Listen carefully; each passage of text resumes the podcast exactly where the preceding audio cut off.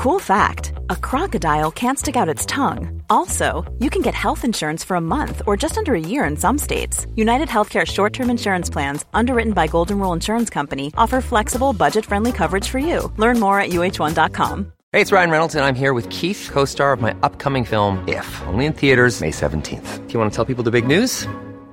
All right, I'll do it. Sign up now and you'll get unlimited for $15 a month in six months of Paramount Plus Essential Plan on us. Mintmobile.com slash switch. Upfront payment of $45 equivalent to $15 per month. Unlimited over 40 gigabytes per month. Face lower speeds. Videos at 480p. Active Mint customers by 531.24 get six months of Paramount Plus Essential Plan. Auto renews after six months. Offer ends May 31st, 2024. Separate Paramount Plus registration required. Terms and conditions apply if rated PG. Planning for your next trip? Elevate your travel style with Quince. Quince has all the jet setting essentials you'll want for your next getaway, like European linen, premium luggage options, buttery soft Italian leather bags, and so much more. And it's all priced at 50 to 80% less than similar brands. Plus, Quince only works with factories that use safe and ethical manufacturing practices. Pack your bags with high-quality essentials you'll be wearing for vacations to come with Quince. Go to quince.com slash trip for free shipping and 365-day returns.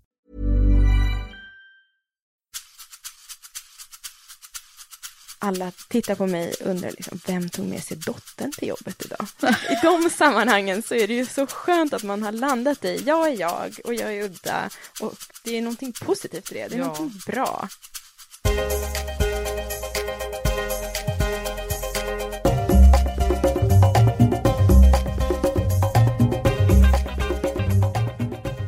Hallå och välkommen till Karriärpodden och till mig Eva Ekedal och ett nytt avsnitt. Nu träffar jag Sara Hermansson från Scania, chef inom hybridutveckling, som är ett viktigt område för framtidens hållbara transporter.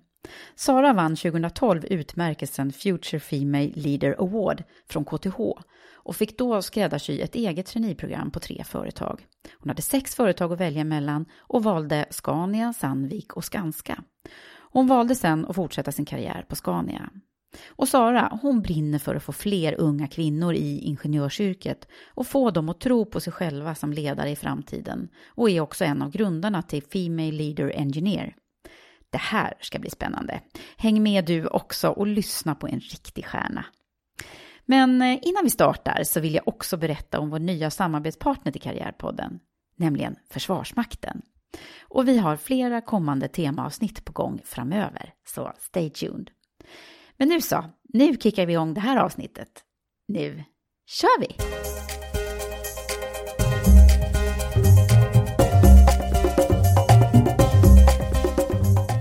Välkommen Sara!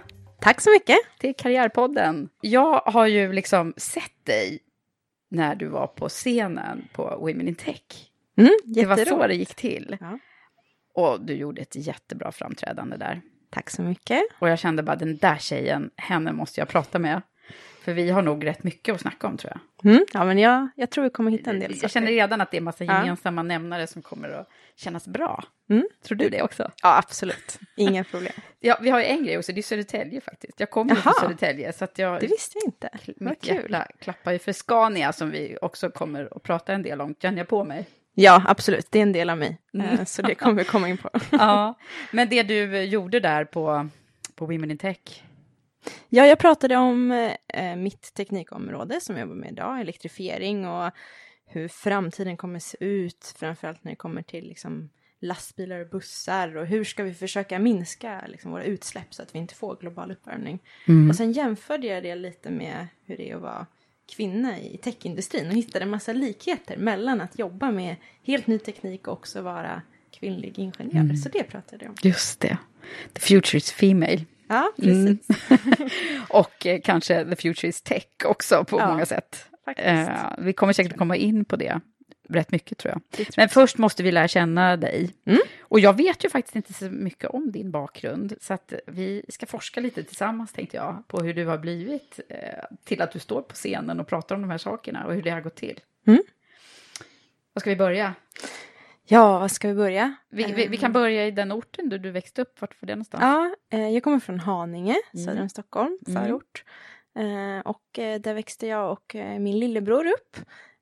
Och vi bodde också tre år utomlands, vi bodde i Österrike tre år. Mm. Min mhm. pappa jobbade på Ericsson och eh, behövde flytta ut. Okej, okay. ja. då har vi lite, lite teknik där ja, kanske. lite teknik. Han är mm. ingenjör och mm. eh, har jobbat där.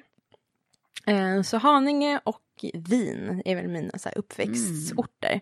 Hur gammal var du ehm. när ni bodde i Österrike då? Jag var sju till tio år, så okay. två och ett halvt år var vi där. Och det, det var... Skolstart 18 och ah, ja, det var en perfekt ålder tyckte jag. Ah. för att man var tillräckligt liten för att inte vara för fäst vid sin hemmaort. Att det var helt okej okay att skaffa lite nya kompisar och, och, och, så. Men jag var inte så rotad ännu. Och jag hade ingen så här, pojkvän som man var ledsen över eller Nej. någonting. Men samtidigt var jag tillräckligt stor för att lära mig nytt språk, vad som hände. Jag kunde verkligen se och upptäcka och, och få lära mig mycket av den tiden. Ja. Eh, Så att alla... Lärde du dig tyska också? Ja, jag lärde mig tyska. Jag kunde ingen tyska när vi flyttade ner och jag kommer ihåg att både jag och min lillebror, vi grinade så jättemycket första veckorna där till våra Mhm. mamma. Och, Ja, vi kan inte leka, vi förstår inte vad de säger. Nej. Men det släpper jättesnabbt, man är som en svamp när man är barn. Det är ju Eh. väldigt bra, man har bra lär, lärhjärna då. Ja, verkligen. Ja. Eh, Så det var ju perfekt att lära sig Men så du, är du liksom nästan tvåspråkig eller? Eh, Nej, sen så kommer man hem till Sverige Mm. och så ska man börja högstadiet och så ska man välja ett språk. Och då kunde jag tyska perfekt och tyckte varför ska jag lära mig liksom, tyska från grunden här, det är jättetråkigt. Så jag lärde mig spanska istället. Jaha. Och det har eh, användbart för min man, han är född i, och är från Mexiko. Jaha. Och min mamma har en hel del spanska släktingar på hennes sida. Eh, Så då har jag fått nytta av det. Och jag tror tyskan byttes ut när jag lärde mig spanska. Ja, ja, ja, just det, det är lite olika Ja, jag har bara plats för tre språk i hjärnan tror jag. Så ju mer spanska jag lärt mig, ju, ju mer tyska har jag glömt. Ja. Men hur var det då när du, eh, när du gick i skolan? Var det liksom, visste man att det skulle bli ett teknikorakel av dig? Eller? Nej, men man kunde nog ana någonting, för jag tyckte skolan var jättekul. Jag eh, lärde mig räkna och skriva ganska tidigt. Jag tror jag var så här fyra, fem när jag lärde mig det. Så det var innan man skulle lära sig det. Det skulle man ju lära sig i skolan. Och eh, min mamma tyckte väl att jaha, men nu kan du ju redan räkna och skriva och läsa. Då kan väl du börja skolan lite tidigare. Och på den tiden var inte det så vanligt. Nej. Så hon fick faktiskt, eh, hon var ju jätteflitig och duktig och ringde rektor och försökte övertyga om att jag redan kunde. Jag kommer ihåg att jag fick göra ett förkunskapsprov för att börja årskurs ett. Och då var du hur gammal? Eh, då är jag sex år. Eh, Så att jag kunde få börja då Ja. ett år tidigare. Och då skulle man göra ett kryss och sen så skulle man göra en ring och sen skulle man rita av en bild på sig själv och skriva sitt namn. Och klarade man det då fick man Då fick man börja skolan. Jajamän, och det klarade jag. Och det grejade Ja. du galant. Och jag var ju superpeppad för det här. Så Ja, att för jag du ville verkligen. Ja, det var så roligt. Det var som en oupptäckt värld, outforskat. Och jag ville verkligen lära mig. Jag var nog svamphjärna i alla stadier jag Ah. Men du, vad jobbar mamma med då?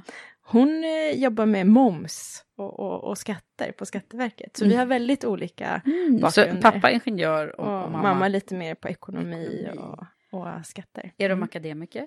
Eh, Ja, Ja. det är de. Mm. Var det liksom Yes. så här, det, det visste man att det skulle bli av dig också då? Nej, det vet jag inte om man egentligen visste. Eh, Jag var nog en väldigt spretig själ. Mycket initiativ och sånt där också. Skulle hitta på mycket saker. Så här, nu ska vi ha loppmarknad eller nu ska vi gå och tvätta bilar. Eller jag vet att vi i området där jag bodde i Haninge. Så jag och min kompis när vi var ganska små.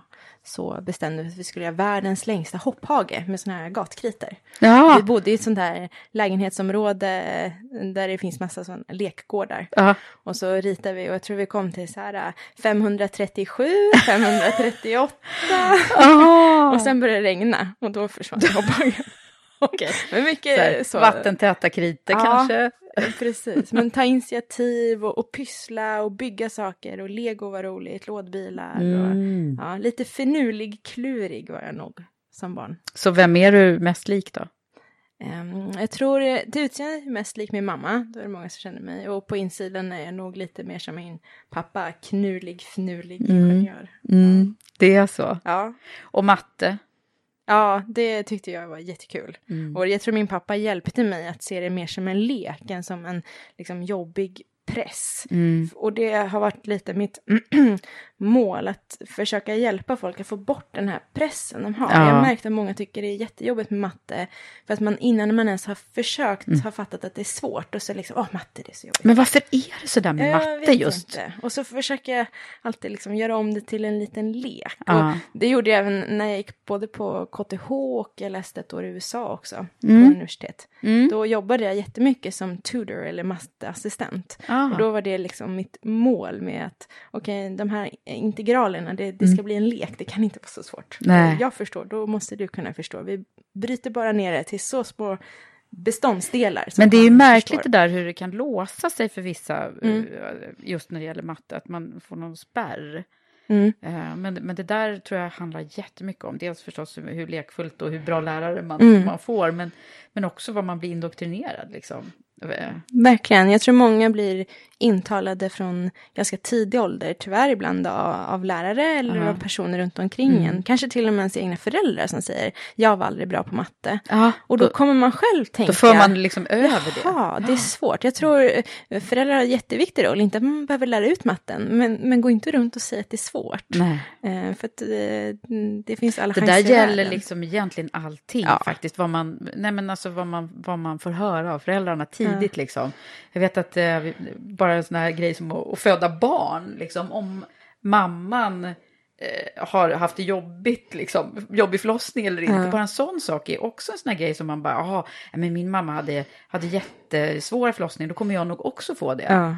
Eller vice versa. Det är så här, Ja, visst, det sätter skrämsel Ja, i verkligen mycket en. grejer. Ja. Så man ska bara säga, ja, allting Ja. var bara jättelätt och det gick så bra. Matte och förlossningar, det är inga problem. Precis. Nej, men också att man får höra det här med vad man har lätt för. Mm.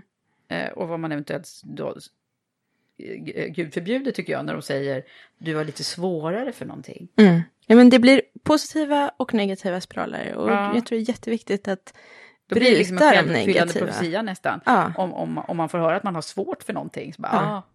Ja, nej men vad bra, så du har lite tankar kring det där. Ja. Var, var det nästan så att du skulle kunna ha blivit mattelärare? Ja, det var ju planen faktiskt. Det jag så? skulle bli lärare. Jaha, jag bara och, gissade. eh, Nej, men helt rätt. Jag är ju stora syster. Ja. Eh, det kanske märks. Mm. Och eh, hade lillebror, men jag hade ju också massa eh, mjukisdjur och nallar som jag skulle lära när jag var liten. Så här, Mm. Hur man räknade och hur man gjorde saker. Jag tyckte det var jättekul att få lära ut det jag själv Mm. kunde. Mm. Och eh, när jag gick på gymnasiet då var det fortfarande liksom, jag ska bli lärare. Och sen Så var då, det vad, faktiskt, vad valde du på gymnasiet då? eh, jag gick natur. Eh, och eh, jag tror det var min pappa som sa att, ja men Sara titta nu på lärarna du har här på gymnasiet. Några får faktiskt samma lärare som han hade haft. Eh, men Mm. då i en äldre version. Han menar på, de har ju gått här nu i, i, i 20 år och gjort samma sak. Lärt ut biologi, ja. År efter år kommer nya studenter, men de är kvar. Han bara, jag tror inte du är den personen. Jag tror en person som, du vill också lära dig nya saker hela tiden. Ja, det är sant. Ja, men han försökte väl också få mig att bli ingenjör. Ja! Det var nog en dold eh, baktanke. Han men, gjorde en men han lyckades ju. där. Ja, för då förstod jag, ha, ingenjör, men då får jag alltid vara in the forefront. Jag får alltid vara vid teknikens framkant och jag får alltid lära mig det nya. Mm. Sen finns det inga hinder att jag kanske också får lära ut det nya till kollegor eller andra, men eh, men blir jag mattelärare då kommer jag alltid stå och berätta hur man gör en integral. Just det. Eh, Bara att personerna byts ut. Så jag tror det var rätt. Det var, rätt det, var, det var rätt knappar han tryckte på där. Han tryckte på rätt knappar. Men han tryckte på mina nyfikenhetsknappar där. Ja. Att eh, de kommer också ha behov av att eh, få lära dig nya Just saker. det, och det är något som ligger i din läggning då. Ja, mm, utforska det nya. Absolut. Ja, ja, det kan man ju nästan ana. Visste man då från början att du var så här begåvad då? Ehm, jag tror man märkte det. Jag var ju ganska snabb. Och, Men det var ju så att din mamma och pappa jag förstod tror det här de, tidigt, de alltså. förstod att om, om man lär sig räkna och skriva ganska tidigt, så här, Mm. mm, innan man ens har fått en lärare tilldelad sig, Mm, då, mm. då ligger det nog någonting där bakom. Mm, mm. Ehm, det gör det. Men sen upplevde jag också att när man väl kommer i skolsystemet så blir man ganska inplacerad i att följa läroplanen. Mm. Eh, och det är väl någonting som, som jag tar med mig nu när jag är vuxen och tittar tillbaka. Mm. Att jag hade rätt tråkigt ibland. Och det, Ah. det låter lite så här, bortskämt att säga så. Men jag tror man det, hade... Nu är det ju Karriärpodden. Ja, och då, okej, då då får ska man liksom säga Nej, men- precis som det är. För vi måste ju Ja. ta bort det här med, vi med att... Eh, vi pratade om det faktiskt lite Ja. innan vi startade podden här med att man det finns så mycket knäppa grejer med oss tjejer. När, när det är någon som är framgångsrik så ska vi ju då ska man ju liksom få heja på den. Mm. Och, eh, för att det finns ju, vi pratar ju om det i Women for Leaders rätt mycket, och det här med som vi kallar för sympatidilemmat. Att, att kvinnor som är framgångsrika eh, ses inte på samma sätt som män som är framgångsrika. Nej, man, man tycker lätt själv att man inte är speciell. Eller jag brukar säga, jag vill gärna normalisera mig själv. För Ja. det är lite ibland jobbigt att känna så här, men jag vill inte vara bättre än någon annan, eller jag försöker inte vara smartare än någon annan. Mm. Men då gör man också de som ser en som en förebild otjänst. Mm. De vill ju gärna se en som en kanske supermänniska som är väldigt häftig och se upp till en. Mm. Ja, Och Då precis. förstår jag för dem. Om de har valt att välja mig som förebild så får jag ju inte säga att jag inte är speciell. Nej, Eh, så precis. Det får Så man jobba och på. här då i Karriärpodden så säger vi att här är allt tillåtet vad gäller, och vi måste ju jobba bort det här med jante, liksom, att, för att, eh, och speciellt vi, vi kvinnor som är så här, det, alltså det, jag kan tycka att det, det är väldigt ödmjukt och fint att inte förhäva sig själv, såklart. Men å andra sidan, så när man är bra så måste man ju kunna få säga det. Ja, det Och- ska man. Och, och, så så det, det, här får du det. Det låter bra. Ja, men du, nu måste vi höra mer om hur gick dina tankar då? då natur och sen så hur, hur blev det då KTH som det blev då? Ja, exakt. Jag förstod ju där, uh, ja, lärare kanske inte. Jag var också inne på att bara forska och läsa massa matematik och bli någon slags professor i matematik. Men matematik var ju fortfarande jättekul. Eh, men jag var ju som sagt ett år i USA och pluggade direkt efter eh, gymnasiet och lite tog det här friåret som jag Ja. hade till godo. Just det. Mm. Och då träffade jag en, en professor där i matematik som var väldigt duktig. Och så hade han en jättestor uträkning på en svart tavla om Ja. Sannolikheten att jag får samma färg på två M&M om jag köper en mm påse som är så här stor. Och jag kände, äh, men vad ska man med det här till? Det här är ju nonsens. Nej, jag måste liksom skaffa mig ett yrke där jag verkligen ger någonting till världen. Mer än en sannolikhetsekvation. Och, och matte såklart går att applicera på massa områden, men det kan bli lite teoretiskt. Och jag är nog mer en praktiskt lagd person. Och då var det liksom, okej, älskar matte och svåra, kluriga saker. Och så få till någonting i praktiken. Och då var ingenjör ett jättebra val, förstod jag. Både när jag pratade med min pappa, men också andra som var ingenjörer. Och jag pratade med eh, syokonsulenten på KTH också. De Ja. har en sån Ja. som hjälper en Ja, att välja program. Ja. Och då gick jag dit och frågade, sa jag så här, jag har läst hela er kurskatalog. Jag har tre program jag tror kan passa mig. Elektroteknik, industriell ekonomi eller det här nya designproduktframtagning. Vilken ska jag välja? Ja. Jaha, sa han. Och så, då sa han faktiskt så här, ja du förstår, och på elektro, där är de som läser ämnena väldigt intresserade av ämnena. Och de tycker också väldigt mycket om det på, och, och liksom gör saker på kvällar och helger, kanske mer än vad man behöver. Jaha, så är det nördar, är det det du försöker få fram? ja, nu var det du som sa det, men ungefär så. Jaha, sa jag, okej, det lät inte peppande. Nej. Sen sa han industriell ekonomi, de vill ofta bli företags-vd. Eh, och då var inte jag så inne på ledarskapsbiten än, utan jag skulle bli ingenjör, jag skulle skapa saker, med riktiga prylar. Sen sa han, designproduktframtagning, där har vi någonting. Där kan man liksom finula och krura och fundera ut hur man ska göra saker. Hur, hur kan man göra det här bordet billigare eller effektivare och sådär. Och det lät ju roligt, så då fick det bli det. då, ja, så han ledde dig lite? Han ledde mig rakt in i... Ja, jag ångrar inte utbildningen och Nej. jag hade inte valt någonting annat idag. För att jag tycker väldigt mycket om att den var eh, bred, man fick lära sig mycket saker. Den var praktiskt lagd, vi hade en hel del projektkurser ihop med olika företag. Eh, och det var där jag kände att jag lärde mig mest. Mm, mm. Och en fördel var ju att namnet lurar lite. Så att vi var ungefär hälften tjejer, hälften killar Just på min det. utbildning. Mm. Fast innehållet var identiskt med maskinteknik i princip. Mm.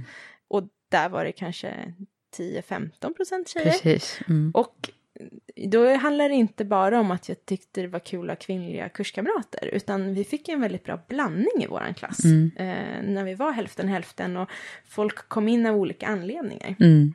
Eh, Så även, även där är det viktigt med jämställdhets... Ja, men det är viktigt med en mix, mix Mm, än bland studenterna. Det blir ju bättre grupper och, och Ja, på så verkligen. många sätt. Men sen var jag besviken av en annan anledning och det Mm. var ju för att jag hade en väldigt tydlig bild i mitt huvud att när jag börjar på KTH här så efter fem år så kommer jag börja jobba på Apple och då ska jag ta fram MP3-spelare för det var populärt då med de här iPods Ja, i olika det. färger. Ja. Det finns ju inte idag längre. Eh, och så kom jag dit och så får jag en sån här keps på huvudet när man börjar sin nolleperiod. Ja. Och så var det ett stort kugghjul på den här kepsen. Och jag bara, vadå kugghjul? Det finns ingen kugghjul i en MP3-spelare. Vad är det här för skämt? och sen så var det ju kugghjul på dörren och det var ju maskinsektionens liksom logotyp. Ja. Och jag var så här, vadå maskin? Ja, En MP3-spelare är ingen maskin, vad är det här? Mm. Jag hade ju inte förstått att utbildningen hörde till maskinsektionen och att jag faktiskt skulle bli maskiningenjör. Just det. Jag skulle bli MP3-ingenjör. Ja, ja, du ville liksom bara hålla på med det här finliret. Liksom. Ja, så jag, jag blev lite lurad in Ja. i den världen och Mm. det var nog bra. Mm. För den var ju jättekul och utmanande och svår och jag ville ju åt någonting svårt. Ja, Eh, Så det var helt rätt att jag kom in i ja. kugghjulsvärlden. Så det, ändå. lät som, det låter som du hade kul under de här åren också. Ja, det var Mm. väldigt roligt. Ja.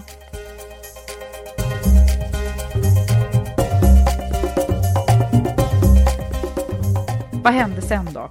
Jag vet ju att du har massa fina priser. Ja, Och, och var det direkt efter? Liksom? eh, ja jag vann ju ett, en, ett pris ehm, samma år som jag tog examen. Mm. Eh, och då eh, går det till en kvinnlig ingenjör varje år som då ehm, väljs ut av en jury som består av stora svenska industribolag. Det är Scania, Sandvik, Skanska, sen var det Ericsson och Electrolux och, och Fortum Mm. när det året jag var med. De Mm. byts ut lite olika. Eh, och det var jättehäftigt, för det var ett erkännande på att jag var en duktig ingenjörsstudent. Det är ganska svårt att bedöma annars. Ja, Vad var det för kriterier som, som du vann på då, tror du? Ehm, Eller det vet du väl? ja, jag fick ju en motivering, Ja. men jag tror mycket försöker de nog se igenom och se vad man är för personlighet på insidan och vad har man för potential att bli en ledare i industriföretag. Och eh, de personer som sitter med är ju liksom seniora rekryterare från de här företagen. Och de Mm. Så det var Future. Female Leader Award? Exakt. Mm. Yes.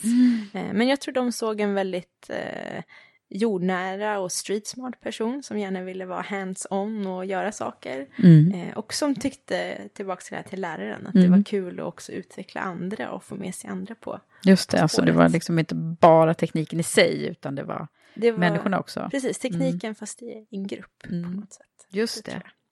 Vad häftigt. Hur Det kändes det när du vann det där då? Jätteroligt. Och eh, igen tillbaks till det här, ah, nej men varför vann jag? Eh, men nu har det med åren släppt tror jag och, Mm. och så får man bara vara glad för, för att man vann Ja. och vara stolt över sig själv. Verkligen. Men, men där och då kändes det nästan lite så pinsamt. Bara, Oj, ska jag vinna det här? Hur, hur, hur ska det gå till? Ja. Eh, men man växer nog in i, i det också. Ja. Man behöver ge det lite tid och förstå eh, att det, man ska vara glad och stolt över sig själv.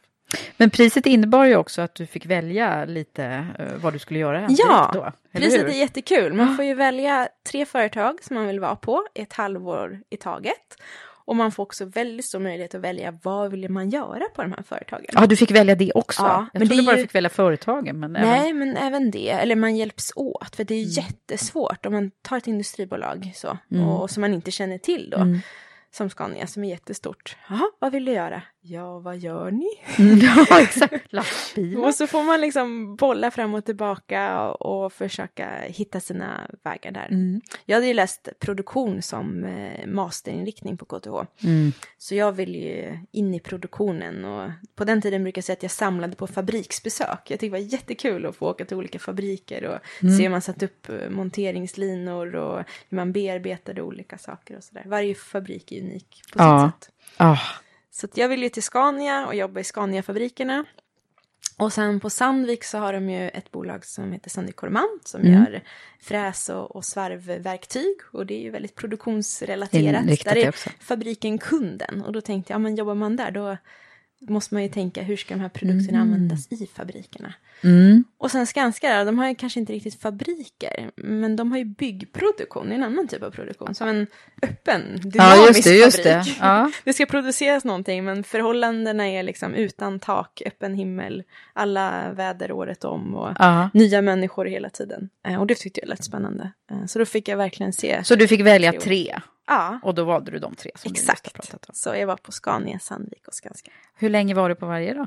Ett halvår i, Mm. i taget var jag. Men hur gick utvärderingen sen då? För du, du måste väl ha hamnat i ett sånt läge så här, okej, nu har jag sett de här tre olika bolagen med allt vad de innebär, både vad gäller kulturvärderingar och teknikinriktning och, och så. Vad, vad tänkte du då?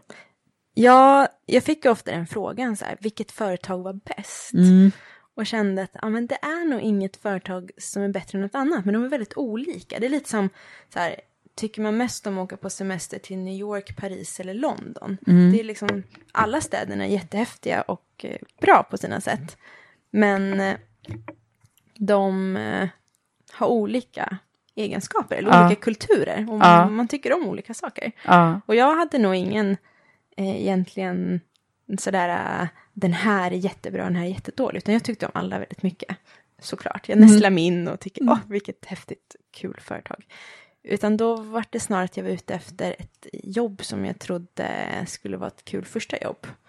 Och jag hade kommit på att det här med produktion, nej, det är kul, det är snabbt tempo, det händer mycket, men man påverkar inte framtiden i samma utsträckning som Nej, om man just får det. Det jobba var ju med... det där med att bygga framtid. Exakt, det var det här att vara liksom i framkanten, längst fram, där, där det händer mycket saker. Mm. Eh, och då letade jag då efter jobb som, som var så här, det nyaste, det som ingen vet någonting om. Vad, vad är det för någonting? Mm. Eh, Och vart kunde du hitta det? Ja, Mm. och då hittade jag ju i alla tre företagen faktiskt väldigt kul sådana områden. Eh, men då fastnade jag för Scania och det var också för att jag började tänka men om det här jobbet skulle vara skittråkigt eller om chefen är helt värdelös eller när jag bara har gjort det här jobbet i några år, vad ska jag då hitta på? Och hade lärt mig hur omständigt det var att byta företag. Ja, jag kände att ja, men nu vill jag ändå känna lite mer... Vill stanna ett tag. Ja, Mm. precis. Och på Scania kunde jag liksom fylla alla mina tio fingrar med alternativ om den här, det här första jobbet inte skulle gå vägen. Mm. Och tänkte, nej men mm, det betyder nog någonting. Det var svårare på Skan, Sandvik och Skanska för mig att hitta på, ja men det här området, det här området, det här området vill jag också göra. Det var lite svårare att hitta dem. Så tänkte jag, ja men då, då ger Scania en chans. De verkar mycket alternativ om, om det här första grejen inte är roligt. Och så blev det. Och där har du varit sedan dess. Ja, det har jag. Och så har det hänt lite grejer där. Vi ska inte gå in på allting förstås. Men, men eh, idag, din roll idag. Idag jobbar jag som eh, gruppchef för forskning och utveckling Mm. för hybrid och elektrifiering. Så egentligen, ja, Och det här skulle du kunna gå bananas nu och berätta allt om. För, och då kommer inte jag fatta hälften. Men om du skulle säga liksom, vad gör ni för någonting? Det här bara Ja. övergripande. den, den korta beskrivningen som är till eh, vem som helst, då brukar jag säga, men tänk Tesla fast på en buss eller lastbil. Alltså vi mm, försöker liksom minska användandet av förbränningsmotorn och så använder man mer el när man kör. Och då kan man antingen göra det genom att man använder batterier eller man kan tillföra el genom att man kör på vad vi kallar för elväg. Lite som en lastbil fast det är en, en tågskena på taket. Mm. Eller man kanske kan använda sig av en bränslecellsteknik där man använder vätgas som görs om till el. Men elen är liksom den gemensamma, Gemensamma faktorn. Mm. Och att man vill ha eh, så lite liksom, lokala avgaser och emissioner som möjligt. Mm. Och sen vill man ju också minska den totala CO2-utsläppet så att det blir mindre global uppvärmning. Det jobbar vi med. Så, titta, det där var, det var liksom din hisspitch på, Ja, på vad håller jag på med egentligen. Ja, men där är du nu chef. Ja, jättekul och eh, utmanande också. Ja, Eh, Jag kom in där ganska ung som jag sa innan. eh, Och tyckte det var superläskigt. Eh, Många tycker att jag är en person som verkar ganska modig och tuff och Mm. tar på mig mycket saker. Men på insidan var jag superrädd för det här jobbet. Och jag kände, aj, hur ska det här gå? Jag skulle ta över en, en, en grupp med eh, väldigt seniora personer som hade jobbat med hybrid och elektrifiering under lång tid. Kunde jättemycket. Eh, var i ålder med min pappa. och eh, jag var jätteorolig. Och sen när man jobbar med ny teknik också så är det ju ganska stökigt och bökigt och man måste alltid eh, tala för sin existensrätt. Just Såklart. det. Man Mm. kostar jättemycket pengar och säljer väldigt lite i början. Mm, Eh, just så är det ju innan Mycket de satsningar liksom. Ja. Ja, och kunna liksom försvara de satsningarna man ser att man behöver göra. Mm. Och eh, jag fick en hel del råd från, från personer, eh, både på insidan på Scania och utanför. Nej, men det där, det där är för svårt. Det där, Nej, jag tror inte jag var det många som sa det till dig? Ja. Apropå det här med eh, vad man ska, hur man ska... Precis, om man ska lyfta folk Intala eller sig inte. själv, ja. Ja, Mm. och Får man höra att någonting är svårt så är det inte säkert att det blir lätt. nej, och alla de gångerna jag fick det, att så här, nej men du kommer bli utbränd eller du kommer misslyckas eller det här är inte bra för din karriär, så kände jag tur för dig att det var jag som satt på andra sidan bordet. Mm. För jag hade ju då eh, varit med i det här traineeprogrammet och utmanats ganska mycket, liksom hur behandlar man män och kvinnor olika. Vi hade också startat upp eh, Female Lead Mm. Ja, och den måste vi ju prata Ja, mycket om. den ska vi med det. Och hade varit väldigt mycket sådana situationer där man förstår att men vänta, hade du sagt det här till mig om jag var man? Och framförallt om jag hade då varit fem år äldre och man? Troligtvis inte. Nej. Och kände att, ja, tur för det det var jag nu med skinn på näsan och lite erfarenhet. Mm. Som snarare såg, hm, du behöver lite hjälp, än att jag inte skulle klara av jobbet. Mm. Var det då du liksom... eh, Ja, då vart det ju, aha, då får jag väl se här, nu, nu kör vi. Och jag hade också tur att ha, eh, såklart, den närmsta chefen trodde på mig, annars hade jag inte fått jobbet. Mm. och, och vi teamade nog ihop oss lite, för jag var orolig och sa det. Det är jättemånga som inte verkar tro på mig. Och han sa, nej, men vet du vad, jag tror på dig, nu teamar vi ihop här. Och, och om vi lyckas, då lyckas vi ihop. Åh, och misslyckas vi så, så står jag bakom dig. Eh, och det var jättebra att få med eh, Ja, då hans visste du förtroende. att du hade... Alltså Mm. det där är ju de vi också pratar så mycket om, de här sponsorerna som betyder så mycket för, för våra utvecklings... Alltså, att man får igång sin egen Mm. utvecklingsprocess egentligen i karriären. Verkligen. Och det är Ja. ju tack vare dem man kommer vidare. Ja. Och han såg det också som en kul grej att utmana organisationen. Mm. Att han, han gjorde det till sitt lilla projekt, att nu ska jag minsann visa att man kan rekrytera annorlunda. Ja. Så jag blev väl någon liten så, eh, maskot också, Ja, eh, ja. till att eh, det går. Det funkar, ja. ja. Och hur var det då? Ja, men det var nog inte så farligt som jag föreställer mig. Eh, men jag tror det är viktigt att man inte heller går in och tror att det är en enkel match. Det är, det är väldigt nytt tyckte jag, att helt plötsligt vara chef av medarbetare. Vad Mm. innebär det? Vad ska jag fylla mina dagar med? Vad har jag faktiskt för egentliga arbetsuppgifter? Eh, och eh, jag valde... Mm. Och hur du bemöttes och så då? Utav... Ja, mina medarbetare funkade Mm. det jättebra med. Mm. Eh, Jag tror eh, vi och ömsesidigt gick in i en approach att vi ska hjälpa varandra. Eh, Mm. De var väldigt duktiga på tekniken och jag gick in i föreställningen, nu ska jag hjälpa dem få bra förutsättningar att lyckas på jobbet. Mm. Jag, jag ska ju på något sätt inte eh, detaljstyra dem, för jag har ingen aning. När jag började visste jag inte skillnaden på AC och DC, alltså eh, likspänning och växelspänning. Nej. Och de undrar nu, oj då, eh, vilken, vilken kompetensnivå börjar vi på? Ja.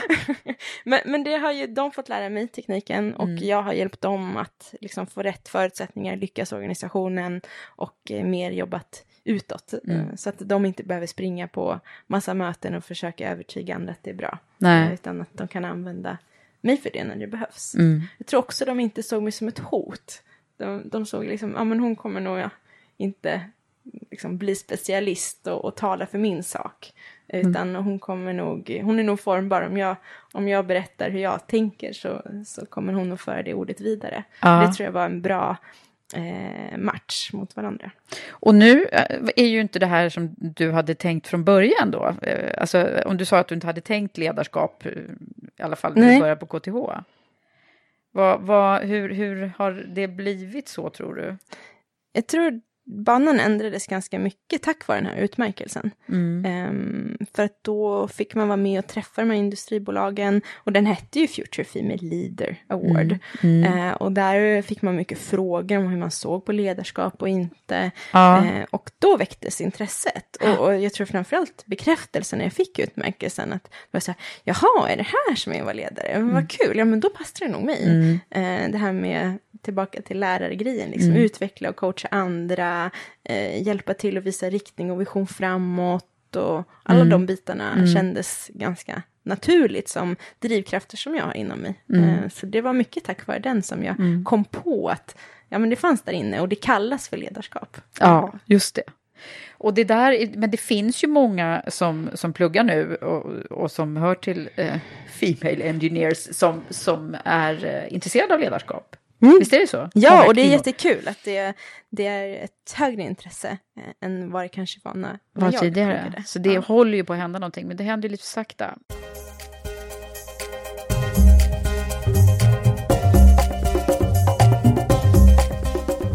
Men, men berätta nu, du startade ju, var ju med och grundade också. Jag måste nästan läsa. Female Leader Engineers heter det nu va? Yes, mm. det stämmer bra. Berätta, hur, hur gick det här till nu då? Ja, det var ju den här utmärkelsen jag fick. Mm. Um, den uh, lades på is ett tag. Det var KTH som drev den då när jag fick den. Och jag kände direkt, nej men det går ju inte. Uh, det här var ju det mest fantastiska som hade hänt mig och jag förstod ju redan för när jag fick den här utmärkelsen för fem år sedan att det här kommer hjälpa mig. If you thought the only way to get a more defined jawline with natural looking results was through surgery, think again. Juvederm Volux XC is a non-surgical injectable gel filler that improves moderate to severe loss of jawline definition and can help you achieve natural looking results with little downtime. Even better, this improved definition lasts up to one year with optimal treatment. No maintenance required. Improve jawline definition for a smooth, sculpted look with Juvederm Volux XC. For important safety information and to find a licensed specialist, visit juvederm.com. That's J U V E D E R M.com. Not for people with severe allergic reactions, allergies to lidocaine, or the proteins used in Juvederm. Common side effects include injection site redness, swelling, pain, tenderness, firmness, lumps, bumps, bruising, discoloration, or itching. There's a risk of unintentional injection into a blood vessel, which can cause vision abnormalities, blindness, stroke, temporary scabs, or scarring. Talk to a licensed specialist specialist to find out if it's right for you. Planning for your next trip? Elevate your travel style with Quince. Quince has all the jet setting essentials you'll want for your next getaway, like European linen, premium luggage options, buttery soft Italian leather bags, and so much more. And is all priced at 50 to 80% less than similar brands. Plus, Quince only works with factories that use safe and ethical manufacturing practices. Pack your bags with high-quality essentials you'll be wearing for vacations to come with Quince. Go to quince.com slash pack for free shipping and 365-day returns. Hiring for your small business? If you're not looking for professionals on LinkedIn, you're looking in the wrong place. That's like looking for your car keys in a fish tank. LinkedIn helps you hire professionals you can't find anywhere else, even those who aren't actively searching for a new job but might be open to the perfect role. In a given month, over 70% of LinkedIn users don't even visit other leading job sites. So start looking in the right place. With LinkedIn, you can hire professionals like a professional. Post your free job on linkedin.com slash people today. Many of us have those stubborn pounds that seem impossible to lose, no matter how good we eat or how hard we work out. My solution is PlushCare. PlushCare is a leading telehealth provider with doctors who are there for you day and night to partner with you in your weight loss journey. They can prescribe FDA-approved weight loss medications like Wagovi and Zepbound for those who qualify. Plus, they accept most insurance plans. To get started, visit plushcare.com slash weight loss. That's plushcare.com slash weight loss. Hey there, it's Michelle Norris. I'm host of a podcast called Your Mama's Kitchen. When I travel, I'm usually looking for a way to find a taste of home when I'm not at home. And one of the things I love to do when I am at home is entertain. And Airbnb allows me to do that. When I was in California recently, I rented a house that had a great kitchen. And when we were sitting around the table, we were all thinking, we're in someone else's house. Someone could be in all of our homes as well. If you have a home, but you're not always at home, you have an Airbnb. Your home might be worth more than you think. Find out how much at airbnb.com slash host.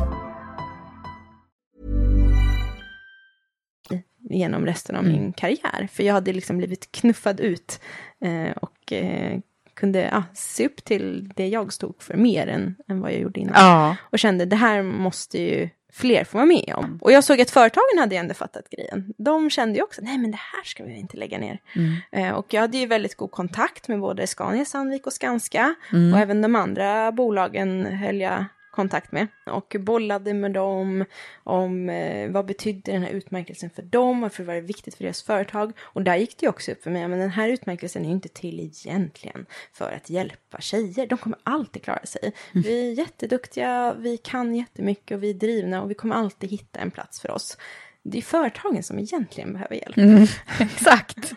och då när det gick upp så kände jag, ah, men det här borde inte vara så svårt att bara starta upp igen. Ah. Så jag och några andra tidigare vinnare, vi pratade ihop oss och så sa vi, nej men nu kör vi själva. Så då eh, skapade vi liksom nytt namn och varumärke och förening och, och eh, såg till att bolagen kom på banan och det är ju de då som finansierar utmärkelsen idag. Mm. Och sen fick vi också fördelen när KTH inte var den ansvarige för utmärkelsen så kunde vi ta in fler skolor. Mm. Så idag är även Chalmers, Lund, Linköping och eh, Luleå också med. Ja, så det är jättekul. Det är ju grymt bra. Yes. Verkligen. Det behövs ju som sagt va? Ja. Och de behöver er.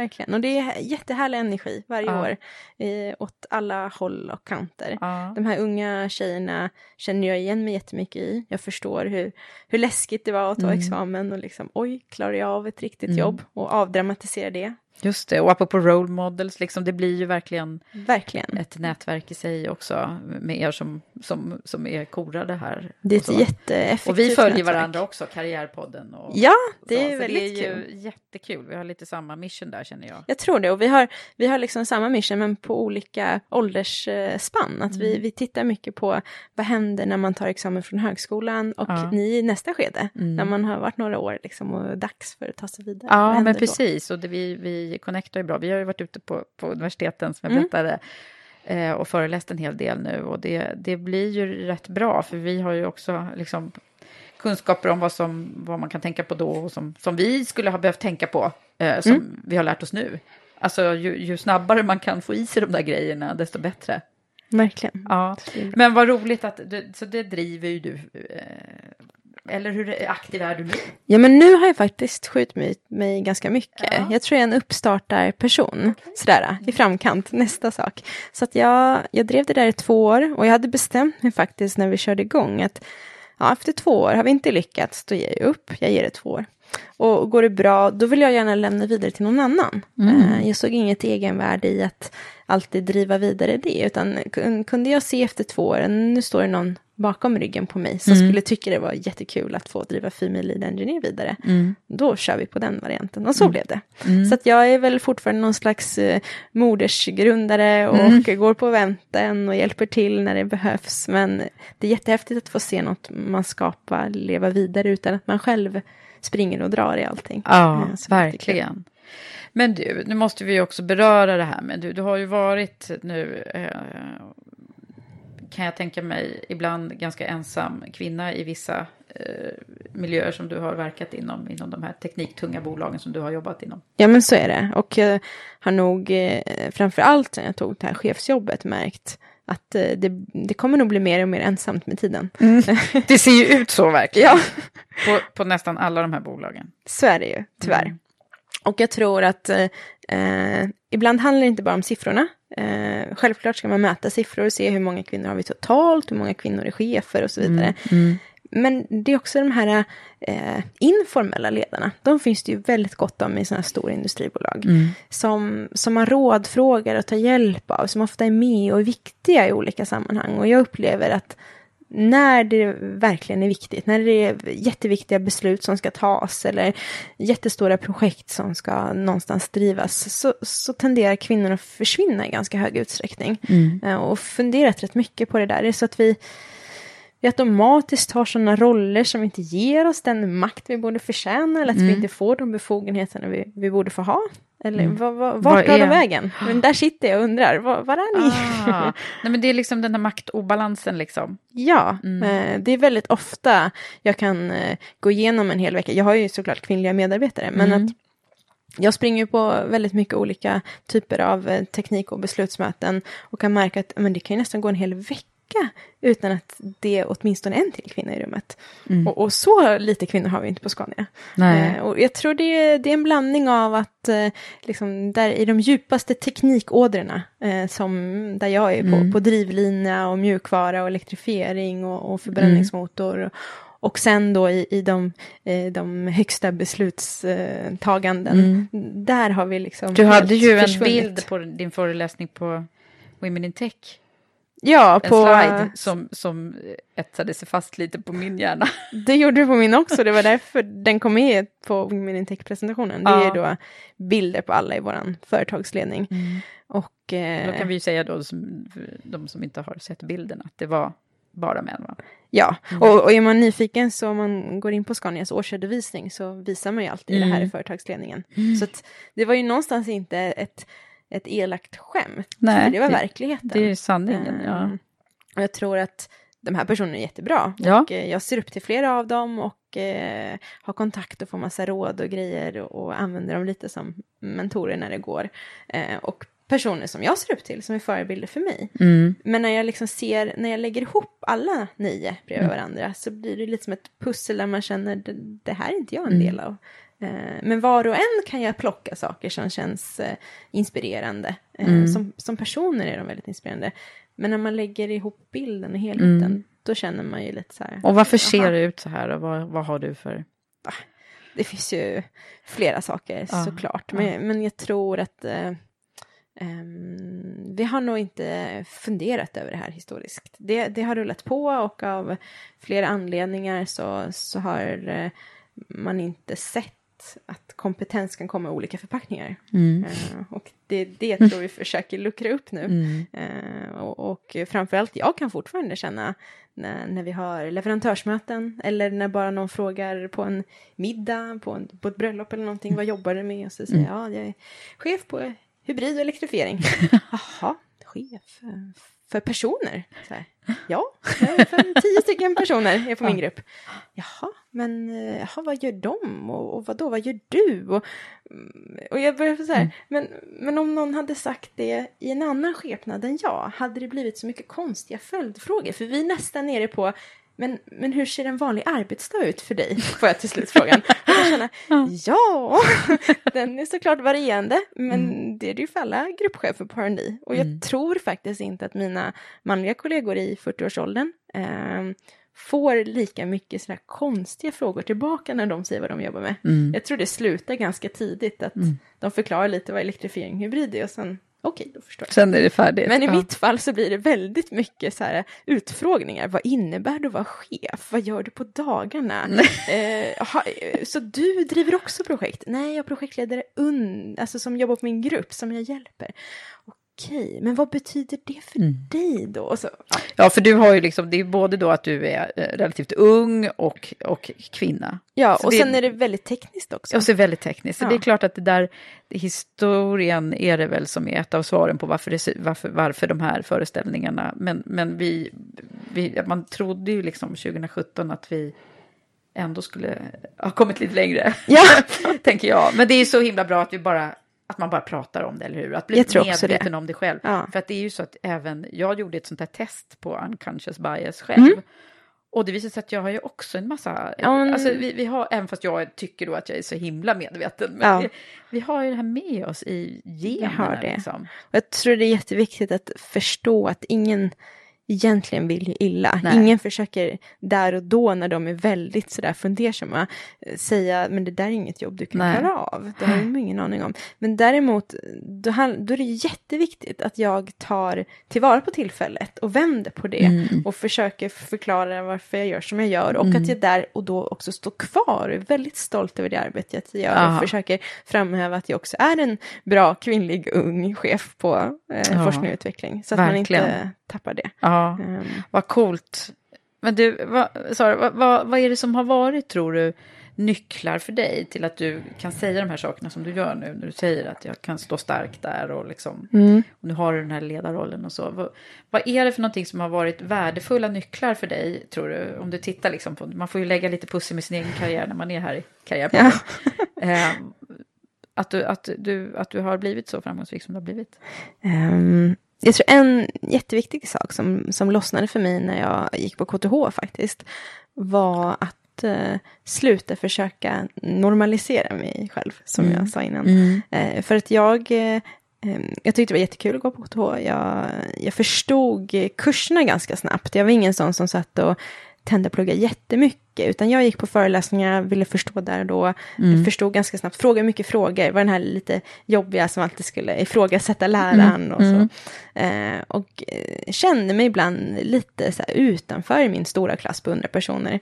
Eh, de tyckte, ja men hur kan du fatta allt så snabbt? Jag förstår inte. Jaha, jag, ska, jag, jag fattar ingenting, jag ska plugga. Och jag kände nästan att, hmm, borde jag låtsas att jag inte förstår? För, för då får jag tillhöra normen lite mer. Jag tyckte det var ganska jobbigt att ständigt sticka ut. Och tänkte ju inte på det första andetaget, utan det var ju lite senare man kände sig lite udda, eh, som det var jobbigt. Och då hade jag en kompis som faktiskt hjälpte mig lite med det här. Hon sa så här, jag tycker väldigt mycket om dig och jag har bestämt mig för att nu tycker jag om dig. Jag bara, "Ha, vad menar du med det? Nej, men jag har gått runt och tyckt att det varit lite jobbigt. För du är så bra på saker. Du, du fattar snabbt och du, eh, du tränar och du gör allt. Och du, det känns så perfekt. Och det, det är lite störande faktiskt. Men då kom jag på, nej, nu ska jag sluta tycka att det är störande. Och så ska jag vara glad över att du är min kompis. Ah, gud, vilken bra Ja, kompis. och då förstod jag att det är det som är problemet för mig då. Ja. Att jag går runt och stör mig på att jag är bra. Herregud, vad är det för dålig egenskap? Ja. Sluta nu, var dig själv och eh, vet, du, du vet om att du är bra på saker. Ja. Och sen så var, var stark i det Att och du stå för tillåts det. vara det då Ja, också. exakt. Man tillåts vara lite udda och speciell. Eh, och sen så, ja. Men det här var vad då? Det här var på, på KTH? KTH. Ja. Så att, det, var mm. ändå, det hade ju varit trevligt om kom Du hade tidigare i livet. på det lite tidigare. Men jag tror det är svårt under tonår att, Ja. att komma till Ja, den för det är ju insikten. då de flesta är väldigt sökande och man försöker passa in och, och, och Man vill och komma verkligen på bara vem man ska vara, vara. Liksom. man vill bara vara en i gruppen. Och det blir man inte när man är lite sådär mini-Einstein och fattar saker jättesnabbt. Man blir inte en i gruppen på det Nej. sättet. Nej. Ehm, och jag tror det har hjälpt mig nu när jag eh, känner mig väldigt udda och, och, och kan komma in på, ibland har man sådana här heldagsworkshops med framtida visioner och så vidare Mm. och känner bara alla tittar på mig och undrar liksom, vem tog med sig dottern till jobbet idag? I de sammanhangen så är det ju så skönt att man har Att landat kan- i, ja. jag är jag och jag är udda och det är någonting positivt i det, det är Ja. någonting bra. Eh, och att Och man du kanske inte... förstår saker och ting då mycket, mycket snabbare och bättre än många av de andra som har jobbat i väldigt många år. Kanske. Ja. Eh, och också kom jag till en annan insikt och det var ju när jag var runt på de här tre företagen och Mm. kände att jag liksom aldrig passade in och, och var också lite sökande, liksom var ska jag börja jobba? Jag känner inte att jag passar in någonstans. Och Nej. då kom jag ju på, men vänta det är det här som är mångfald. Om jag hittar ett ställe där jag verkligen inte passar in, det är då jag bidrar så mycket som möjligt på något sätt. Om Mm. jag kommer till ett ställe där alla är som jag, där alla tänker som jag, ja men där behövs ju inte jag Nej. där och då där jag är verkligen en så här udda filur. Eh, Mm. Det är perfekt. diversity det är där på jag borde riktigt. Ja, Så- och lite, lite då kanske blev det en strävan, att, att jag inte tyckte att det egentligen alltid är så jobbigt då när jag hamnar i de här situationerna, utan jag ser det bara som att, men tur för er att jag är här, för Mm. nu kan jag komma med lite andra insikter. Ja, att det också landade i dig själv, liksom, Ja. att, det, att det, det var härligt. Så det är en grej som har betytt mycket för dig såklart. Verkligen. Vad är det mer då, tror du, Ehm, som har varit liksom, nycklar för framgång? Jag tror en stor nyckel för framgång för mig är när jag också får bekräftelse på att det blir rätt och funkar. Eh, och det har skett mycket nu under, under senare tiden. Och jag har nog förstått att jag har ett ganska stort bekräftelsebehov. Det kanske är fult att erkänna, men, men man går runt Inte där helt och, ovanligt. och, och känner, är det här verkligen bra? Gör jag verkligen rätt? Och, och så vidare. Och nu, särskilt när jag är chef, så har jag ju en jättestor möjlighet att få bekräftelse genom mina medarbetare. Mm. Eh, och all, alla de tillfällena man har fått höra att man verkligen har hjälpt någon. Eh, Mm. Eller att de trivs bättre på jobbet. Eller det är ju guldkorn som man Mm. sparar till de dåliga dagarna. Just det. Jag har en sån liten mapp i min eh, mailbox Mhm. som heter just så här pepp boost. Ah. Så varje gång jag får ett mail där det är någon som kanske tackar en för att man har varit Mm. lite mentor eller som bara tyckte att man, man gjorde ett bra jobb på något sätt, då, då hamnar den där. Och så kan du öppna den där lite då och då. Ja, när man har en sån här jättedålig dag och Gud vad bra, det där borde ju jag ordna en speciell mapp för också. För jag Ja. får ju faktiskt också eh, mycket mejl som de som gillar att lyssna på Karriärpodden. Ja, gör Det borde det. jag ju verkligen samla ihop. Det, det rekommenderar jag verkligen alla Ah, att ha. En Bra grej. Alla Ja. dagar är ju inte bra. Nej, och man Alla- behöver och det, så är det ju för alla.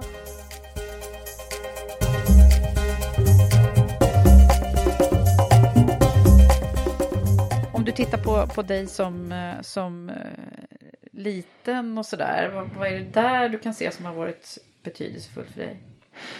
Jag tror jag fick jättemycket bekräftelse igen då, Ja, som, som, ja. som liten. Som du fick ifrån Precis som mina föräldrar och den här positiva spiralen, att man alltid fick det här, det tror jag många andra säger Mm. också, att du kan göra vad som helst, inget är omöjligt och det fanns liksom inga begränsningar i inlärningen. Jag minns att min, mina föräldrar var rätt bra på att ge mig saker för att få lära mig. Jag vet, jag hade en så här världskarta i mitt rum när jag var Mm. liten. Och det, det har jag som mål nu, så här, om jag får barn, att så här, de ska ha världskarta i sina rum. Ja. För jag lärde mig ju jättemycket Kartor är roligt, tycker jag. Ja, Det man jag. bara stå och titta på i flera timmar, Mm. det var jättekul. Mm. Eh, eller jag vet att eh, min pappa hade något projekt en dag att vi skulle rita hela människokroppen. Så Mm. han la sig på ett så här stort papper på golvet och så fick vi rita av hans konturer. Mm. Och sen skulle man ju liksom fylla, här är lungan och Gud, vilken är... finurlig pappa Ja, du verkar ha haft. visst. Och så båda mina föräldrar hade ju mycket så här kul och var väldigt engagerade och lekte med oss. Ja. Eh, De var ganska unga också när de fick oss. Jag vet inte om det är en faktor, Ah. men eh, så här, nu när jag är lite äldre så har jag ju förstått hur unga de var. Det Ja. förstod jag inte då. Nej. Eh, Och då är man nog lite lekfull och, och så på ett annat sätt kan jag tänka mig. Vad är det, många pratar ju också om ehm, att det är bland de tuffa stunderna som har varit eh, liksom, nycklar eller Ja. lärdomar som, som banar vägen. Men du kanske inte har hunnit vara med om så många tuffa Jo, stunder ännu. Men har du några? Jag tror, grejer? när jag lärde mig det där, för, för det är väl så, man lär ju sig det när man har haft sin första tuffa stund. Ja. Det var faktiskt när jag var på Sandvik som trainee och Mm. jag hade flyttat upp det till Sandviken. Och i Sandviken är det väldigt mycket bruksjante. Mm. Eh, och jag kom från Stockholm. Mm. Och jag vet när jag presenterade mig. Just det, hade det liksom, felet också. Ja, så sa de, jaha, du är från Stockholm, men är du uppvuxen någon annanstans? Nej, jag är från Stockholm. Är dina föräldrar från någon annanstans? Nej. Ja, men du kanske känner någon som är viktig för dig som är från någon annanstans? eh, vad var det för fråga? Det var liksom lite fel att vara från Stockholm, det var Ja. drygt. Och sen så kom jag ju där och var högskoleutbildad, ingenjör, jag kom inte från något golv någonstans, jag hade utbildning, ja fint ska det vara i kanten. Mm. Och sen så, jaha varför det här? Ja, jag är sån här Female, Future Female Leader Award trainee. Då Ja. slog det ju slint, då var Just det alldeles för högfärdigt. Ah. Eh, och det var skittufft. Ja. Jag upplevde att de flesta var väldigt tysta, de öppnade inte upp sig, de höll sig för sig själva. Jag hade ett väldigt otydligt uppdrag vad jag skulle göra på den här gruppen. Mm. Eh, den som skulle vara handledare kunde inte vara så närvarande. Ah, jag mådde så dåligt. Och så hade jag tagit med, ja, då var vi ju inte gifta med min man och Mm. min hund och vi hade fixat lägenhet och hunddag. Så jag ville gå all in och testa Sandviken. Ja. Jag kände, nej, varför gjorde jag det här? Jag vantrivs ju med det här. Men sen vände det på slutet och jag tror någonstans så, så fick jag acceptans genom att fokusera på tekniken och det de tyckte var intressant och jag fick nästla in, men den vägen var jättelång. Mm. Och då när det släpper, när jag faktiskt skulle sluta på Sandvik, det var jättesvårt. För då hade man ju gjort den här resan. Just det. Man visste hur svårt det var från början. Jag kände mig verkligen inte välkommen när jag började där. Och när jag slutade där så kändes det som man verkligen lämnade ett par öppna famnar som sa Mm. kom tillbaka För då och hade bli de börjat-. Ja. Gillar dig jättemycket då. Ja, och de, Åh. vi hade klickat för varandra på Ja. ett helt annat sätt. Och Gud, då förstod jag ju, hade jag inte haft det så tufft i början, då hade jag Ja. inte uppskattat Nej. nu när det hade släppt. Där är ju jättebra lärdomar verkligen. Ja, får... Men du Sara, jag tänker också på, du ska nämligen få en specialfråga nu. För Mm. Du ska få frågan, jag samarbetar ju med Försvarsmakten numera, som eh, vi håller på att göra en, en temaserie tillsammans. Och då har, skickar ju de ju lite frågor till mig, så jag tänkte att nu passar den här frågan nog extra bra. När vi pratar om det här med olika grupper också. Och den frågan handlar om hur man skapar som ledare tillit i sin organisation. Ja, jag tycker det var en jättebra fråga. Och så Mm. tänkte jag, det här borde ju alla chefer bli tillfrågade. Eller egentligen alla. För, att, för jag tror en hel del missar det här. Och jag tror det som skiljer liksom en, Ja. en- den här riktigt bra ledaren som man ser upp till mot någon som bara har en titel. Mm. Att man faktiskt har lyckats med det. Eh, och jag funderar ju på mig själv såklart, vad gör jag? Och jag har ju hjälp av den här traineeprogrammet lärt mig mycket det här med Mm. förstå varandras förutsättningar. Mm, men jag tänker på just den här lärdomen som du kanske också gjorde där då. Ja, Eh, verkligen. Och liksom vad, vad är viktigt för, för den här enskilda individen, eller den här delen av organisationen? Vad är deras utmaningar?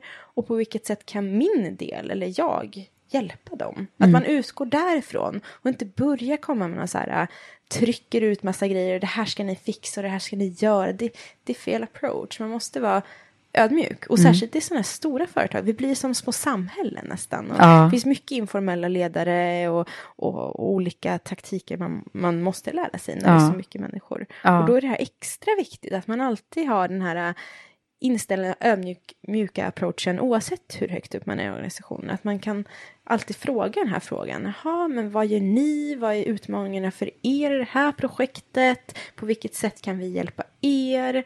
Vad, vad, hur ser våra gränssnitt ut? Bra, vilka personer borde få träffa varandra så att vi får det här att fungera? Att man alltid har den här äh, inställsamma samarbetsviljan. Det tror jag är jätteviktigt. Ja, samarbetsviljan. Ja. Hur gör man det här då? Hur gör du själv i din grupp? Eh, jag är ganska noga med, i min grupp så har vi mycket nu att vi startar upp sådana här konstiga projekt som kommer in från höger och vänster och är lite udda. Det är inga sådana här stora industrialiseringsprojekt. Vi ska bara testa något jättehäftigt. Och, och de är ju sådana som, men vad har katten dragit in? Det är knöligt och bökigt och det ska gå fort och det kostar mycket pengar och det känns läskigt och det här har vi aldrig gjort förut. Eh, och då har det just varit att tidigt liksom kommunicera och eh, försöka få med folk och också få dem att känna att men, problem är kul, det är därför vi är ingenjörer. Ja, just det. För, för en, många kommer och ibland i stora industribolag blir man lite som en så här gökunge. Att ja, men för att kunna göra det här behöver jag... Du, du, du, du, du, du. Och så får man någon lista med massa krav och det ska in i fem olika system och det ska hållas milestones. Och, du, du, du. och det funkar kanske inte när man jobbar med ny teknik och behöver vara lite snabb och, och, och byta bana snabbt. Och så. Mm. Så då får man ju istället vända på det och lite okej, men vi ska skapa det här. Det har aldrig hänt i världen förut. Vi vet inte så mycket, vi kan inte så mycket. Men det är spännande, vi är med och gör historia. Och på vilket sätt tror du att vi då ska anpassa det här till exempel mot vår eftermarknadsaffär? Eller på vilket sätt tror du att vi kan lägga upp det här i din del av organisationen? Mm. Och hur, hur bygger du in tilliten i det där då? Är det att de, de, de, tror de får får känna att de är delaktiga? Att de är en del av de är en del av beslutet, de är en del av projektet, de är en viktig kugge i projektet. Inte bara de där borta gör roliga saker och sen förväntar de sig att jag ska fixa en just kanal. Utan, aha, vi här, vi, vi gör ett projekt och vi introducerar, som jag jobbar med förut till exempel, flytande eh, gas för Scania och vi är nästan först i världen. Mm. Och vi här, vi måste lyckas lösa det här med hur man ska eh, serva de här tankarna. Just det. man, man måste ha den approachen. Så bygga delaktighet är, Ja, är det det, du säger kring tilliten. Ja, för, för nästan alla är ju ingenjörer. Alla Ja. vill vara med och lösa problemen och göra det roliga. Så bjuda in till, Ja. till att vara en del av kluriga projektteamet. Och Just inte bara det. att man är ytterkanten och får krav på sig. Nej, och att alla liksom är viktiga pusselbitar. Mm, Mm. Det, där, det är nog nyckeln till framgång för många. Jag tänker på alla startups också. För där, eh, jag vet ju att Google och Spotify och så, de Mm. använder sig av eh, olika målstyrningsmodeller som också gör att man kopplar så att man alla känner sig, alla som, även om man jobbar i receptionen eller i Mm. vart man än är i organisationen så ska man känna att man är en del utav det Verkligen. viktigaste liksom, målet man har just nu för verksamheten. Det tror jag är viktigt. Man känner att så här, jag är en del av arbetsgivaren. Ja. Det är inte jag mot arbetsgivaren. Nej. Jag, jag är en del av det. Ja, men precis. Gud vad bra. Det säger vi att Försvarsmakten är nöjda med ditt svar nu. Det hoppas jag. Men du, nu börjar vi, ska vi ringa in lite grann? För jag vet ju att du har så himla många bra grejer att dela med dig av när det gäller lite tips och råd också. Mm. Om vad Det man ska tycker jag. tänka på när man är kanske lite mer i början på sin karriär eller... Ja, men jag, jag funderade mycket på när jag skulle välja eh, jobb och jag kunde ju skjuta lite på det, för jag var ju först på de här tre företagen. Mm. Och sen kunde jag liksom vänta lite. Du fick med- lite hjälp på vägen där kan man säga. Ja. Bland de här, hur många var det? Ja, precis. Jag Sex. fick välja bland sex företag, Inte inte, bland liksom- hela världen. Och eh, sen hade jag då tre att välja på. Mm. Jag kunde såklart börja någon annanstans, men jag kände ju och hade bra nätverk där.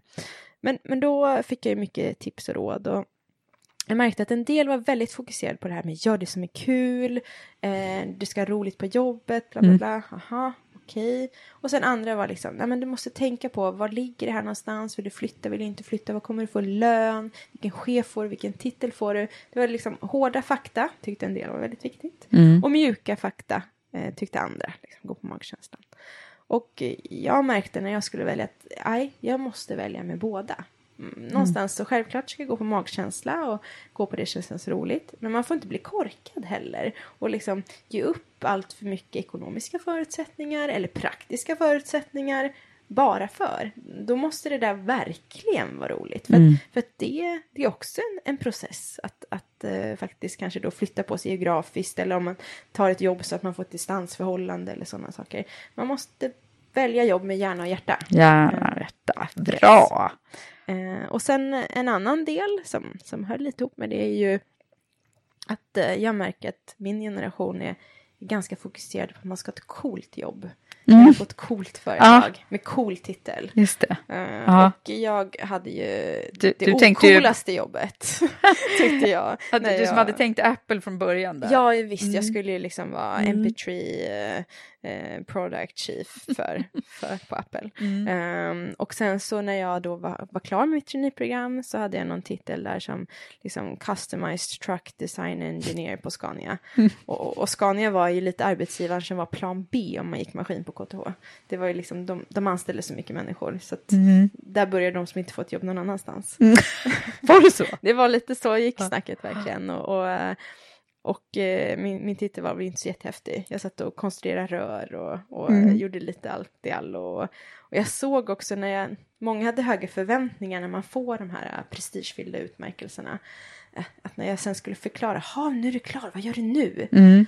Ja, jag är konstruktör på specialfordon. Jaha, okej. Och så var jag så här, ja men varför ser du så konstig ut? Mm. Ah, jag, jag, jag trodde inte det om dig bara. Nähä. Och jag hade så ont i magen över det här att jag hade en sån där uh, ocool titel på ett jättestort tråkigt plan B-företag. Ja. Men sen, då lossnade det. För att jag hade en del som jag kände genom mitt nätverk som hade häftiga titlar på sådana här coola, eh, lite nystartade företag. Mm. Ehm, som gjorde skittråkiga saker på det här. Jag satt liksom och flyttade data från ett Excel-ark in i ett system. Och Mm. De var så omotiverade. Men det var en häftig sådär uh, business Lite- intelligence developer på Mm. något ny, nystartat uh, grej. Och jag hade den tråkiga titeln, men jag hade skitkul på dagarna. Jag jobbade ju då med att ta fram ett helt nytt bränslesystem för Scania, där flytande gas, att man liksom kan kyla ner gas och köra på det. Och kände verkligen hur jag bidrog till att liksom minska vår globala uppvärmning Ah. i världen och få med och Så skapa det började gå upp för dig att det liksom hänger inte på titeln? Nej, eller? Nej. du är liksom minst åtta timmar på jobbet per dag. Ja. Eh, och eh, alla dagar i veckan är det viktigare än vad som Mm. står på visitkortet. Så, att, mm, Så gå inte bara på den coola titeln, är det det som Exakt. är? Mm, Tänk på vad är Mm. arbetsuppgifterna, gå inte bara på Nej. vad som kommer hamna på visitkortet. Nej, Verkligen. bra där. Och den sista eh, som, som jag skulle vilja ge som råd är som lossnade för mig när jag skulle söka det här jobbet som, som chef på elektrifiering hybrid. Det är att man ska skaffa sig en karriärsbrorsa. Nu är det här tipset kanske mest riktat då till, till kvinnor. Eh, och Men man kan tänka man kan tänka reversed. tvärtom. Man Mm. kan tänka om man är man så kan man kaff- skaffa sig en karriärssyster. Mm. Själva grejen här är att man i vissa situationer när man känner blir jag annorlunda behandlad nu för att jag är kvinna. Då bryter man ut sig själv mot sin karriärsbror. Och en karriärsbror är ju då någon som är liknande som dig i liksom mål med karriär och personlighet och kanske område. Eh, ungefär samma ålder och, och stadie i livet skulle jag säga är viktigare än just ålderssiffran. Och jag hade ju jättemycket karriärsbröder från mitt traineeprogram på Ja, Skala. just det. Du Vi kände ju massor. Exakt samma förutsättningar. Ja. Vi hade ju börjat där som nyexade, alla var civilingenjörer, alla ville, vi var framtidens ledare på Scania. Så det var perfekt. Jag hade ju flera, liksom Erik, Olof, Johan, det fanns massor att välja på. Ja. Och då när jag såg eh, den här annonsen att de ville ha en gruppchef där på forskning och utveckling för elektrifiering kände jag wow, det här är drömjobbet. Det jobbet skulle jag vilja ha om fem år och tänkte direkt, det kan ju inte jag få nu. Och började fundera på, nej, hade, hade Olof gjort samma sak? Hade han Nej. bara sett den här annonsen och tänkt, nej, om fem år och liksom tryckt ner den? Nej, men han hade ju inte heller varit så modig att han bara skrivit ett CV och skickat in liksom på chansning. Vad hade han gjort? Så här? Ah, Han hade nog ringt upp chefen som rekryterar och frågat lite Mm. och bollat lite. Bara för att du vet, skapa kontakten så att man, man ska få en till kontakt i nätverket. De vet Mm. om att man finns och man kanske kan få lite tips och råd vad man saknar för att kunna få jobbet. Så att man kan bygga på det för framtiden. Men frågade du honom om det här? Nej, eller? det här var bara Det var bara fiktivt. dina- Ja, men, men jag skulle rekommendera att man kanske, om man har en väldigt tydlig karriärbror som man hittar, Mm. det kan ju vara en jättebra person att eh, bolla med. Eh, både i arbetsval eller lönefrågor eller det finns massor saker som går att jämföra såklart. verkligen. Eh, så att, och det är ju nära att få bli någons karriärsyster eller karriärsbror. Det är ju superbra. Det, var ju, det är ju superbra, och, och just för hur de tänker liksom. Ja, och åt andra hållet också går det att använda om jag känner mig, till exempel att jag sitter på ett möte och blir väldigt ifrågasatt på min teknikkompetens. Att liksom, Jaha, men eh, vadå, kan du någonting ens om det här? Eh, då kan jag liksom byta ut mig själv mot min karriärsbror och tänka, hade han fått samma fråga? Och då kan man börja förstå, får jag den här frågan för att jag eh, faktiskt inte kan den här tekniken, så kan det ju vara ibland. Eller får jag frågan för att jag sitter här i ett kvinnligt format. Och då brukar karriärsbron kunna hjälpa till att eh, Så den dyker liksom bara upp i ditt mindset? Ja, när jag hamnar i den här situationen, blir jag annorlunda behandlad nu för att jag är kvinna? Ja. Eh, då, då brukar jag försöka byta ut mig själv mot en, en manlig variant av mig själv.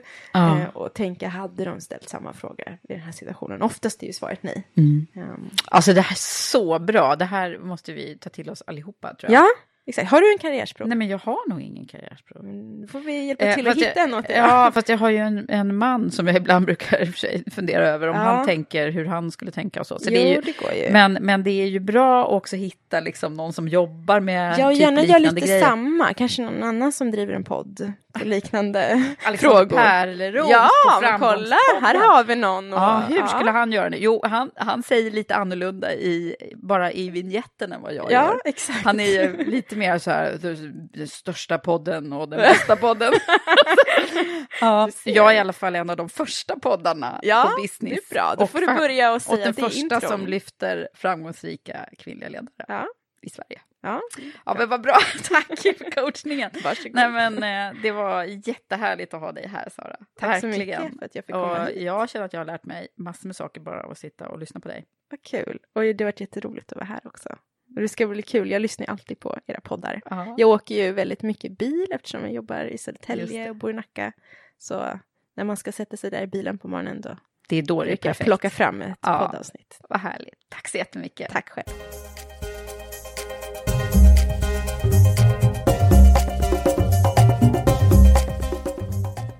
Här efter vårt samtal tänker jag, wow, vilka kloka tankar hon har, Sara. Och vilket givande samtal det var på många sätt. Så intressant det här med vad vi får i oss när vi är små. Att det är roligt och lätt att lära med lekfullhet och vad viktigt det är att föra över positiva tankar kring kunskap. Hoppas jag har gjort det till mina barn. Bra Sara att eh, du jobbar på det och att vi ska få fram fler kvinnliga ledare inom den mansdominerade teknikvärlden. Där det så väl behövs. Och avslutningsvis. I Women for Leaders jobbar vi nu med antagningsprocessen till toppprogrammet Women for Leaders Premium Leadership Program. Du har väl läst om det i Veckans Affärer? Ha det nu så bra så hörs vi snart igen. Hej så länge!